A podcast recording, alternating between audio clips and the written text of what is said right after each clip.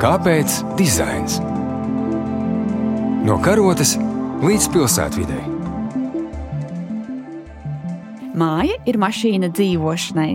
Tā pirms gandrīz simts gadiem apgalvoja viens no modernisma kustības aizsācējiem, šveiciešu izcelsmes franču arhitekts Le Corbusier. Viņš uzskatīja, ka telpai un dizainam ir jābūt stingri pakļautam loģikai, askēzei un funkcijai.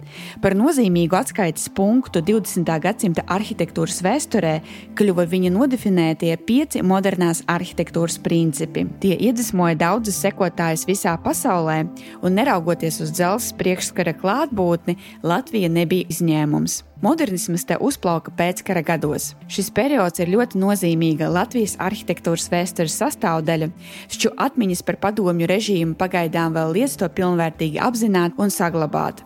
Spraigu diskusiju par modernisma mantojumu nu jau vairākus mēnešus rosina arī kultūras ministrijas iecerē būvēt akustisko koncertu zāli administratīvās ēkas novietnē Elizabetes ielā 2.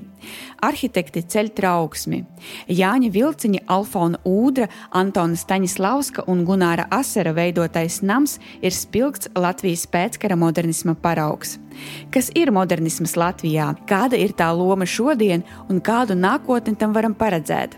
Par to šodien raidījumā Kāpēc dizains? Ar jums kopā ir Jelena Solovjeva.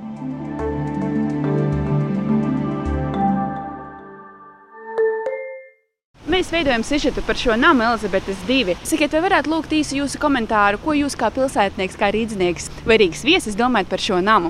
Tā kā es jau pēdējos trīs gadus dzīvoju faktiski blakus, man personīgi nav nekāda bijusi saistība uh, uz turieni iet un kādas lietas taisīt. Es domāju, ka nevajag baidīties. Ja ir uh, mērķis taisīt ko jaunu, tad vajag taisīt. Man nav vīzijas tiešām par to, kā viņi varētu tagad izmantot, vai kā viņi tagad izmanto cilvēki. Ejam uz nākotni. Ja vajag jaukt nost, jaucam. Nu, es esmu par pārmaiņām, vienmēr esmu bijis. Es īstenībā tieši tagad viņu ievēroju. Es nezinu, kas tur ir. Tāda zinātnē, kā ar tā kā atgādina kaut kādu biroja ēku. Dažreiz liekas, ka tādas ir sastopamas kaut kādos, nu jā, tā kā guļam rajonos, kaut kādās nomalēs. Man liekas, viņas daudz kur vienkārši pēkšņi uzrodas no kā. No, nu, viņš izskatās nedaudz tāds drūms un nu, jā, ļaunā ēka. Labi, jokoju. Bet, nu, jā. Pamanījusi, jā, pat man arī iekšā esmu bijusi. Jā, īstenībā viņu vajag noteikti būtu piederīgs Rīgai. Un noteikti kaut ko vajadzētu, nē, es nezinu, vai oficiālus vai ne. Varbūt kaut kādu mākslai, mākslas telpai, izstādē, kaut ko tādu. Mhm. Paldies, Veslēs. Raidījums, kāpēc dizains? Mēs veicam īsu reportāžu par šo namu Elizabetes 2. Jā. Vai jums ir kāds viedoklis par to, vai jūs vispār viņu esat ievērojis kā pilsētnieks? Jā. Ko jūs par šo namu domājat? Lai viņš paliek, piekrītiet, lai viņš paliek. Ir zeme, kur var celt visu ko, ja? bet šis lai paliek. Paldies! Šādi par bijušās centrāla komitejas, tagad Pasaules tirdzniecības centra ēku spriežtās garām gājēji. Viedokļi atšķiras arī profesionāļu vidū. Ierosinājumam nama vietā būvēt koncertzāli ir gan aizstāvi, gan skeptiķi. Starp aktīvākajiem viedokļu paudējiem ir arhitekts Pēteris Bajārs, Out of Box arhitektu biroja vadītājs. Viņš dedzīgi iestājas nevien par Elizabetes ielas nama saglabāšanu, bet cieņpilnu, saudzīgu attieksmi pret modernismu mantojumu kopumā. Runājot par pēckara modernismu, ir eh, patiesībā divi ļoti būtiski partijas lēmumi, kas eh, iezīmē tādus pagrieziena momentus modernismu vēsturē. Pirmais ir no 55. gada PSKP centrāla komitejas lēmums par pārmērību novēršanu projektēšanā un celtniecībā, kur patiesībā Nikita Hrašovs pārvilka svītru tā saucamajām Staļina ampīram, ko mēs zinām kā Tehniskās universitātes galvenā ēka Kaļķi ielā Zinātņu akadēmijas augsts augstceltne. Un faktiski šī bija tāda atsacīšanās no viena veida arhitektūras. Un nākamais lēmums bija, protams, kā saka, mēs lecām no viena grāvja otrā, uzreiz aizgāja uz ļoti askētīgu, atturīgu, prefabricētu ēku būvniecību. Un tāpēc 69. gadā bija vēl viens PSKP lēmums, kas bija par pasākumiem, kas veicam, lai uzlabotu dzīvokļu un civilo ēku celtniecību. Tas lēmums arī iezīmē to, kāpēc mums ir ļoti daudz kvalitatīvas, tīpaši publiskās arhitektūras no 70. gadiem, jo lielākais pasūtītājs jau arī bija komunistiskā partija un viņa Igaunijā, sākot no šī brīža, līdzekļus, lai iemūžinātu savus sasniegumus arhitektūrā, tā īsti nežēloja. Vēl modernisma raksturojošā lieta, kāpēc teiksim, tieši latviešu modernisms ir tāds ļoti spēcīgs, ir tas, ka mums jau bija izteiktas tādas funkcionālas tradīcijas no neatkarīgās Latvijas laikiem, un arī šis te Staļina ampīrs tā īsti pie mums atzinību neguva visu laiku. Tā sedziņa tāpatās tika vilkta tādā skandināviskā atturīgā manierē, un pēc pēdējā 69. gada lēmuma mēs redzam, ka tiešām uzplaukstam daudzus latviešu arhitektus, kuru vārdi pat daudziem nezinātājiem būs dzirdēti, kā Modris Ģēlzis, Mārta Staņa, Alģerts Krauklis, Ivars Strautmans, Arturs Reidfelds, eh, Lija Astaknāķa. Un, un es pat eh, nemāku izskaidrot, bet man vienmēr ir bijusi kaut kāda emocionāla saikne ar šī perioda arhitektūru, kā es pats jau esmu dažās lekcijās smējies. Varbūt iemesls ir tas, ka savus neapzinīgos deviņus mēnešus māmas vēderā es pavadīju Dēls teātrī jaunbūvējā un piedzimu vienā laikā ar teātra atklāšanu bet arī pēc tam es atceros savus braucienus ar autobusu uz laukiem. Tās ēkas, kas fascinēja pa ceļam, tas patiesībā bija šī te Georga Minkoviča projektētā autoosta, kur bija pirmās padomju savienībā plānās čaulas betona iekārtās nojumis, tad tālāk, protams, sekoja tas pats Staņas Dēls teātris, viņas projektētā daudzdzīvokļu ēka brīvības ielā. Atceros, pie Šmēļa bija skaistā tagad Latvenergo administratīvā ēka. Nu, un tālāk, ja, protams, kronis visam ir Līnārds Kujas un Andra Bits, šis restorāns Sēnī, kas arī ir, varētu teikt, reģionam unikāls arhitektūras un konstrukcija dialogs, kur šī te lielā čaula balstās uz trim punktiem un rada vienkārši fantastisku restorānu zāli, kurai līdzvērtīgu piemēru nav. Aktīvi savu nostāju pauž arī arhitektu birojas Enerijām. Ar biroja vadītāju Uldi Lukševicu tiekamies uzreiz pēc biroja organizētas performances Marasmas 1985 Elizabetes ielas nama sarīkojuma zālē, kurā ir veiksmīgi saglabāti Latvijas akustiskā vecmeistara Alberta Vecīļa radīti akustiskie paneļi. NRJ komanda šajā ēkā ir noīrējusi nelielu telpu, kur katru nedēļu organizē konceptuālas arhitektūras izstādes un performances, pulcējot gan arhitektus, gan ar nozari nesaistītus interesantus. Manuprāt, un mūsuprāt, es varu droši runāt visu mūsu biroja NRA vārdā. Šī ēka Elizabetes ielā divi ir izcils pēckara modernisma arhitektūras paraugs, es pat gribētu teikt, simbols paldies valsts nekustamiem īpašumiem, kas nav nekādu aktīvu komercdarbību izvērtuši šajā ēkā. Tāpēc arī visas interjeru apdares, visi dabīgi akmeņi un detalizācija ir saglabājusies ļoti labā stāvoklī, kā ir atzinis Būvniecības Savienības eksperts Aldis Grasmanis. Ēkas konstrukcijas ir ekscelentā stāvoklī. Restīvi, ēka ir unikāla ar to, ka viņa ir ļoti labi būvēta no labiem materiāliem. Tieši tāpēc šī ēka ir tik labi saglabājusies. Viņa nekādā veidā nevar salīdzināt ar guļam rajoniem, ko kāds mēģina spekulēt un teikt, ka tad jā, mums jāsaglabā arī viss purcējums un pārējās lietas. Tās nav absolūti salīdzināmas lietas ne no arhitektoniskās kvalitātes, ne no izmantojamā materiāla klāsta. Noteikti ir, es oponēju akadēmiķiem, krastiņam un pārējiem ekspertiem, kas šo ēku sauc par eh, tikai kopiju. Viņa, protams, ir ietekmējusies no Marsela Brejera 58. gadā UNESCO Parīzē būvētās ēkas. Bet no šīs ēkas ir ietekmējušies neskaitāms daudzums ar arhitektiem visā pasaulē. Ar to modernisms ir raksturīgs, ka šīs idejas ir brīvas, viņas ir gaisā, viņas lieto visi un viens par otru priecājās. Un, uh, mēs varam būt tikai lepni, ka šie Latvijas arhitekti tajā informatīvajā vakumā, kas bija 70. gados, bija spējīgi noķert to vilnu un būt uz tā viļņa un kaut kādā veidā ar savu pārliecību dabūt cauri šos risinājumus. Un tas, mūsuprāt, ir unikāli, ka tas viņiem ir izdevies. Kā mēs zinām, no arhitekta vilciņa radinieku atstāstiem ir bijušas vairākas potenciālās vietas, kurās varētu šo ēku iesēdināt. Un vilciņš apzināti izvēlējies novietni, kurā šī jaunā jauna ēka vismazāk ietekmētu apkārtējo vidi, nebūtu jānojauc neviena ēka vai pēc iespējas mazāk koku. Te jau tālāk uzreiz uzprasās tas arguments, kas tiek no eksperta puses piesaukts, ka ēka ir iebūvēta parkā. Arī, protams, neiztur kritiku, jo ēka nav iebūvēta parkā šajā vietā. Pirms šī ēka tika būvēta, bija stadions. Esošie koki ir ļoti tuvu ēkai, viņi ir saudzīgi saglabāti, viņiem ir radīta tāda ekosistēma, ka viņi var eksistēt arī ļoti tuvu ēkas sienām.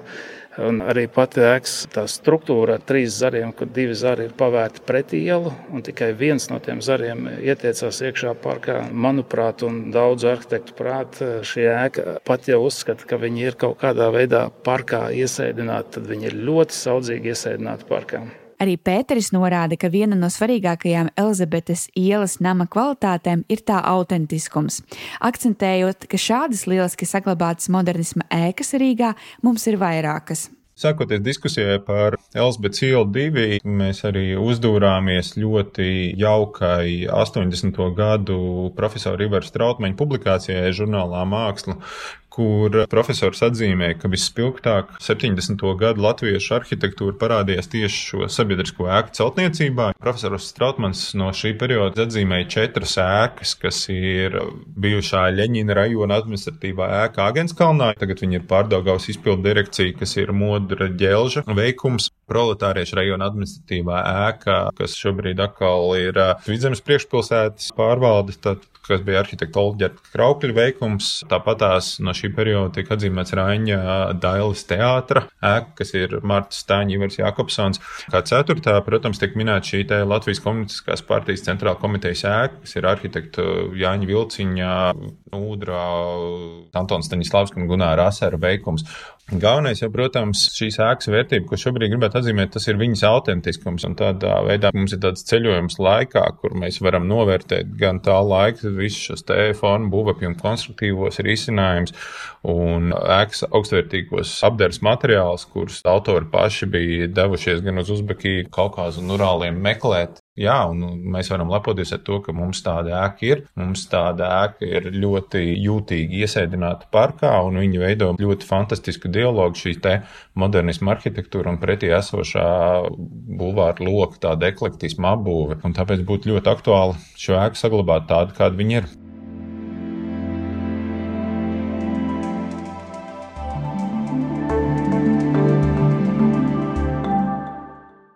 Būtiskus sarežģījumus modernisma saglabāšanai rada arī tas, ka šobrīd nav veikts neviens padziļināts pētījums par šo tēmu, neeksistē arī objektīvi izvērtēšanas kritēriji tā izpratne sabiedrībā nav tāpēc, ka tās izpratnes nav arī profesionāļu vidē. 2014. gadā arhitektu birojas NRA veidoja Latvijas ekspozīciju Venecijas arhitektūras bienālē un tieši par šī pēckara modernisma arhitektūras tēmu. Tas tika darīts tāpēc, ka vēl līdz šim brīdim eh, mums ir dažādi pētījumi par dažādām stilistikām un dažādiem konkrētiem objektiem, bet par Latvijas pēckara modernismu arhitektūru vēl līdz šim brīdim mums nav tāda apjomīga pētījuma, uz kuru bāzes mēs varētu definēt kritērijus, kā attiekties, kā vērtēt šo pēckara modernismu arhitektūru. Mums nav to kritēriju, mums nav to speciālistu, tāpēc arī pieminiektu inspekcija šos objektus vērtē, mūsuprāt, pietiekoši nekritiski un, varētu teikt, subjektīvi, nemēģinot izvirzīt tieši modernismu arhitektūrai atbilstošas kritērijas. Problēma ir tāda, ka vienmēr šī iekļaušana pieminiektu sarakstā konfrontējās ar privātu īpašnieku nevēlēšanos to darīt. Šis te objekts Elizabete CL2 ir unikāls ar to, ka tas ir valsts īpašums.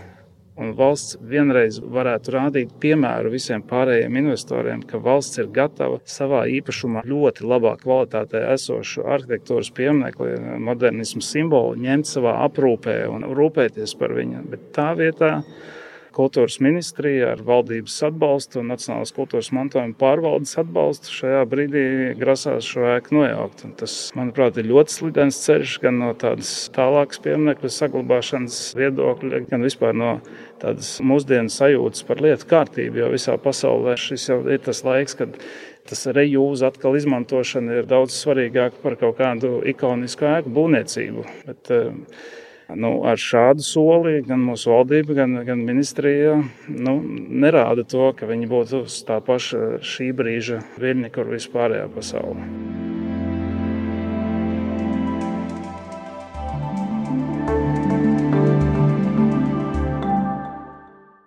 Pāris dienām šķirstot monoklu gaitu Sustainable Cities uzdūros skaistai frāzei, kura rosināja novērtēt to, kas mums ir, sakot, ka today's ugly is tomorrow's beautiful. Tātad šīs dienas neglītais ir rītdienas skaistais, un to savā ziņā ļoti labi raksturo arī Londonā visiekārojamākais šobrīd rajons Barbican, kas, manuprāt, ir visu arhitektu, dizaina guru un vienkārši kvalitatīvu arhitektūru cienošs tāds kā dizaina galamērķis. Šis te Barbican dzīvojamais komplekss vēl 2003. gadā ieguva Londonas neglītākās ēkas status. Un uh, mēs redzam, nedaudz vairāk kā desmit gadi, ja, un pilnībā ir mainījusies cilvēku uztvere par lietām. Un uh, nevelti arhitektūrā ir arī tāds izteiciens, ka arhitektūru mēs varam novērtēt no distances, kas ir līdzvērtīga simts gadiem. To, ka ir jāpaiet kaut kādam laikam, lai mēs saprastu, vai šī ir bijusi vērtīga arhitektūra vai nav bijusi vērtīga arhitektūra. Bet problēma ar modernismu arhitektūru ir tas, ka mums šobrīd tie procesi ir kļuvuši tik strauji, ka mums faktiski nav šo te simts gadu, lai novērtētu ēkas vērtību, ja, un tāpēc tur ir nepieciešama pamatīgāka iedziļināšanās, ir nepieciešams priekšzināšanas, izpratne vispār par arhitektūras procesiem. Un vienkārši pavisam nesen, tādās pēdējās desmitgadēs, mēs esam zaudējuši ļoti daudz spilgtas ēkas, sākot jau ar Jaunķemeru sanatoriju, restorāns Jūras pērla. Pavisam nesen nojauca radiotehnikas administratīvo korpusu, kas bija vispār, varētu teikt, ļoti, ļoti savdabīga un uh, citur neredzēta arhitektūra. Vēl joprojām ir uh, tukša teritorija Rīgas sporta pilsētas vietā ne tikai nojaukšana, bet arī pārveidošana. Teiksim, kinoteātris pionieris Spartaks. Abi ir saka, slaveni arhitekti. Vienā gadījumā Juris Petersons, otrā gadījumā Marta Staņa, ja, bet no oriģinālās substances gandrīz vai nekas nav saglabājies. Tāpat ir pārveidota kafejnīca ainavu, kur tagad ir brīvostas pārvalde. Neskatoties uz vairāku arhitektu centieniem apturēt procesu, ir uzsākt arī Latvijas sarkano strēlnieku muzeja, tagad okupācijas muzeja pārbūve, kur arī tiek izjaukt gan oriģinālā kompozīcija, gan uh, iet nebūtībā interjera detaļas. Un tieši tāpatās ir arī vienkārši virkne objektu, kuri pamazām brūk kopā un uh, pat nav zināms viņa tas liktenis. Un es tiešām ceru, ka kaut kas šajā visā mainīsies, jo, paldies Dievam, mums vēl ir pieminekļi, jā, tie paši Ivars Trautmaņa uzskaitītās, tās visas četras ēkas, kā par pārsteigumu, visas ir salīdzinoši autentiski saglabājušās, un es ceru, ka tādas viņas arī paliks, un mēs viņas varēsim nodot nākamajām paudzēm. Tāpat tās ļoti kvalitatīva arhitektūra un ļoti augsta autentiskuma pakāpe vēl joprojām pie teja, kas ir Zinātņu akadēmijas elektronikas institūta augstceltnes, ir eh, Emīla Dārziņa mūzikas skola. Ļoti labs piemērs mums ir dubulta stacija, kas ir pārtapusi par mākslas staciju. Tas, kas satrauc, ka šo labo piemēru ir diezgan maz. Savukārt, runājot par tādiem startautiskiem piemēriem, tur arī ir ļoti atšķirīgas un dažādas pieejas. Un, teiksim, tādā ēkā kā bijušā Beļģijas lielākā cementu koncerna CBR ēka Briselē, kura bija saglabājusies maksimāli autentiski. Tur autori arī ir centušies maksimāli saglabāt šo ēku un vienkārši piešķirt viņai jaunu funkciju. Kādreiz tā bija noslēgta biroja ēka, tad šobrīd tā ir tāda kā koprades telpa. Tie paši 70. gadu interjeri, eksterjeri dzīvo kopā ar jauno funkciju. Otra tāda iezīme varētu būt Konstantīna Meņņiko projektētā kafejnīca Vremena Goda Maskavā, kur savukārt bija tāds stāsts, kas piemeklēja daudzas mūsu ēkas, ka ļoti daudzas detaļas bija gājušas bojā, un Nīderlandiešu arhitekts Rems Kulhās pārveidoja šo ēku par laikmetīgās mākslas centru, tad garāžu muzeju. Un ēkas tēls ir pilnībā mainījies, bet ir saglabāts viss vērtīgais, ko vien varēja saglabāt. Tad mēs redzam šo moderno funkciju redzam arī mūsdienu arhitektūras pienesumu, bet tajā pašā brīdī mēs ienākot iekšā redzam automātiski visas, kuras ir autentiskās detaļas, vērtīgās, kuras arī arhitektiem mūsdienās ir šķitušas saglabājamas, noderīgas un nododamas nākamajām paudzēm. Rēģējot uz kultūras ministrijas priekšlikumu nojaukt ēku, NRJ arhitektu birojas uzdāvināja ministrijai vīziju par ēkas Elizabetes ielā divi saglabāšanu un pārvēršanu par laikmetīgās mākslas, arhitektūras un dizaina muzeju. Arhitekti tic, ka bijusī centrālās komitejas ēka ir jāsaglabā un jāatver cilvēkiem kā publiska kultūra telpa. tikai mēģinot izglītot sabiedrību, stāstīt par to, kāpēc šīs ēkas ir svarīgas un kāpēc mēs nevaram vienu milzīgu posmu no vēstures vienkārši ņemt un izsvītrot tikai tāpēc, ka mums viņš nepatīk politiski iemeslu dēļ. Bet eh, ēkas jau nevar atbildēt īsti par to politiskās varas pasūtījumu tā brīža. Protams, ka cilvēkiem ir duāla attieksme pret eh, šī laikmeta mantojumu, bet Es domāju, ka tam noteikti ir jātiek pāri, jo, kā jau teicu, arhitektūra ir arhitektūra, un viņa tomēr stāsta arī par to, kas mēs esam un kā mēs esam gājuši cauri. Viņu tādā bezdomu variantā iznīcināt, nu, es negribētu teikt noziedzīgi, bet nu, uz to pusi ir. Tā mūsu iniciatīva par MED mākslas arhitektūras dizaina centra iespējamo izvietošanu šajā ēkā, radās tā iemesla dēļ, lai ierēģiem parādītu, ka šī ēka nav tikai vienkārši administratīva ēka, kas iebūvēta parkā, bet ka viņas funkcija ir ērti pielāgojama publiskai funkcijai. 438. kabinets, 4. stāvā, brīvi pieejams visu nedēļu. Katru otrdienu mēs liekam jaunu bildi iekšā. Katru otrdienu tiek atklāta mazā ekspozīcija ar idejām, koncepcijām, Nu, mums bija svarīgi apzināties vēlreiz, ka arhitekti arī domā un arhitektiem ir ko teikt. Šodien jau ir trešā nedēļa. Pirmajā nedēļā mēs, kā birojas NRA, startējām ar manifestu par šo ēku, par šīs ēkas nozīmi. Un nākamā nedēļā jau bija ekspozīcija par Venecijas arhitektūras bienāles paviljonu pret Baltās nakts paviljonu. Un šonadēļ jau ir Helvijas Savickis un draugi ar savu ekspozīciju par kodola raķešu bāzēm Latvijā saistībā ar Semi Palatinsku. Nākamā nedēļā būs Dainis Rudolfs Šmits ar arhitektūras glēznām. Tālāk sekos autoboks ar Pēteru Bajāru, un tālāk būs Uģis Šenbergs, un Austris Mailīts, un Māsas Ķempes, un, un Latvijas Mākslas akadēmijas interjeru nodaļas studentu izstāde un uh, birojas gaiss. Un mums kalendārs līdz gada beigām ir skaidrs. Dārgie klausītāji, raidījums Kāpēc dizains ir izskanējis. Paldies, ka bijāt kopā ar mums. Raidījumu vadīja Jelena Solovjova, montēja Andra Černievska. Tas ir tapis ar valsts kultūra kapitāla fonda atbalstu. Kāpēc dizains? No karotes līdz pilsētvidē. Pirmdien, 9.5. ar atkārtojumu sestdien, 18.18. 18.